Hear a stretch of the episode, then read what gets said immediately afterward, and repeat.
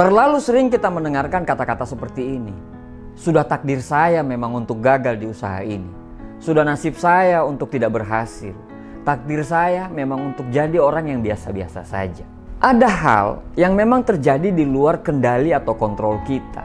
Dan kita memang tidak bisa berbuat apa-apa dengan hal tersebut. Karena itu terjadi atas kehendak Sang Maha Pencipta.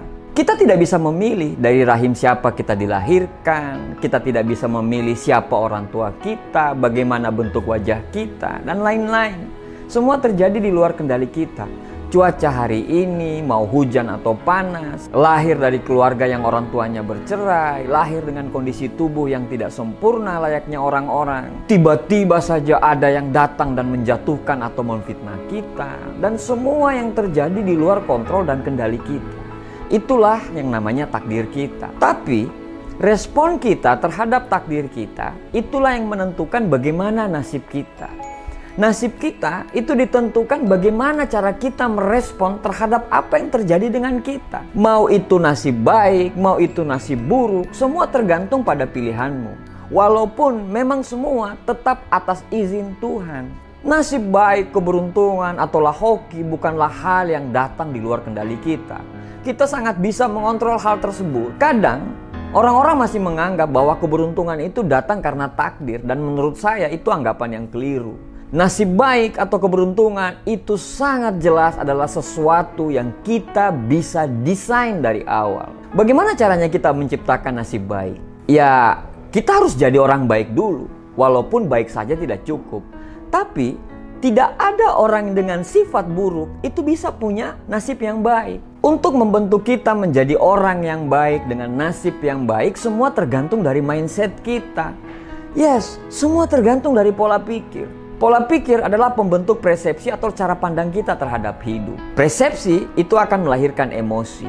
Emosi itu akan menentukan perilaku dan perilaku yang diulang-ulang itu yang akan menentukan nasib kita. Misalnya, saat kamu menghadapi kegagalan, pasti akan ada dua sudut pandang dan pola pikir. Yang pertama, pola pikir positif. Pada saat dia gagal, dia berpikir, "Saya harus tabah, saya harus sabar dalam menghadapi kegagalan ini.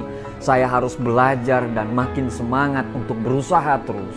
Karena pola pikirnya sudah terbentuk seperti itu, akhirnya persepsi kita pun akan menjadi positif. Kita akan terus berbenah, kita akan mencari tahu yang salahnya di mana kita akan mencari tahu kenapa kita gagal. Akhirnya, persepsi yang positif itu akan melahirkan emosi yang positif pula. Kita tidak gampang baper atau marah terhadap orang lain karena kita sibuk berbenah dan sibuk mengevaluasi kenapa kita harus gagal. Karena emosi kita udah positif, perilaku kita pun menjadi positif. Karena kita sudah tahu kita gagal, akhirnya kita lebih hati-hati, lebih rajin dari sebelumnya. Kita sibuk memperbaiki diri, kita sibuk belajar, dan kita begitu semangat dan antusias walaupun kita pernah gagal. Begitu terus diulang-ulang terus, diulang-ulang terus hari demi hari sampai akhirnya nasib baik pun akan datang menghampirimu. Berbeda dengan orang yang punya pola pikir negatif. Pada saat dia menghadapi kegagalan, dia mengatakan, "Sudah nasib saya untuk gagal. Keberuntungan tidak berpihak kepada saya. Ya sudahlah, biarkanlah saja." Akhirnya, cara pandang kita pun menjadi negatif. Kita menjadi gampang baper, kita menjadi gampang marah, dinasehatin kita nggak bisa, mental kita sudah keblok. Setiap melihat orang sukses kita gampang nyinyir, setiap kita dimotivasi kita menutup diri, akhirnya memang kita tidak ada gairah sama sekali kita menjadi pemalas dan akhirnya nasib baik pun akan menjauh. Kita sudah diciptakan dengan takdir masing-masing dan kita tidak bisa menolaknya. Akan tetapi, nasib yang terjadi pada kita, entah itu nasib baik atau nasib buruk, adalah respon kita terhadap apa yang terjadi. Hidup ini akan selalu dihadapkan pada dua pilihan. Yang pertama, kita bisa memilih untuk meratapi nasib dan memilih untuk percaya bahwa kita tidak mampu merubah keadaan.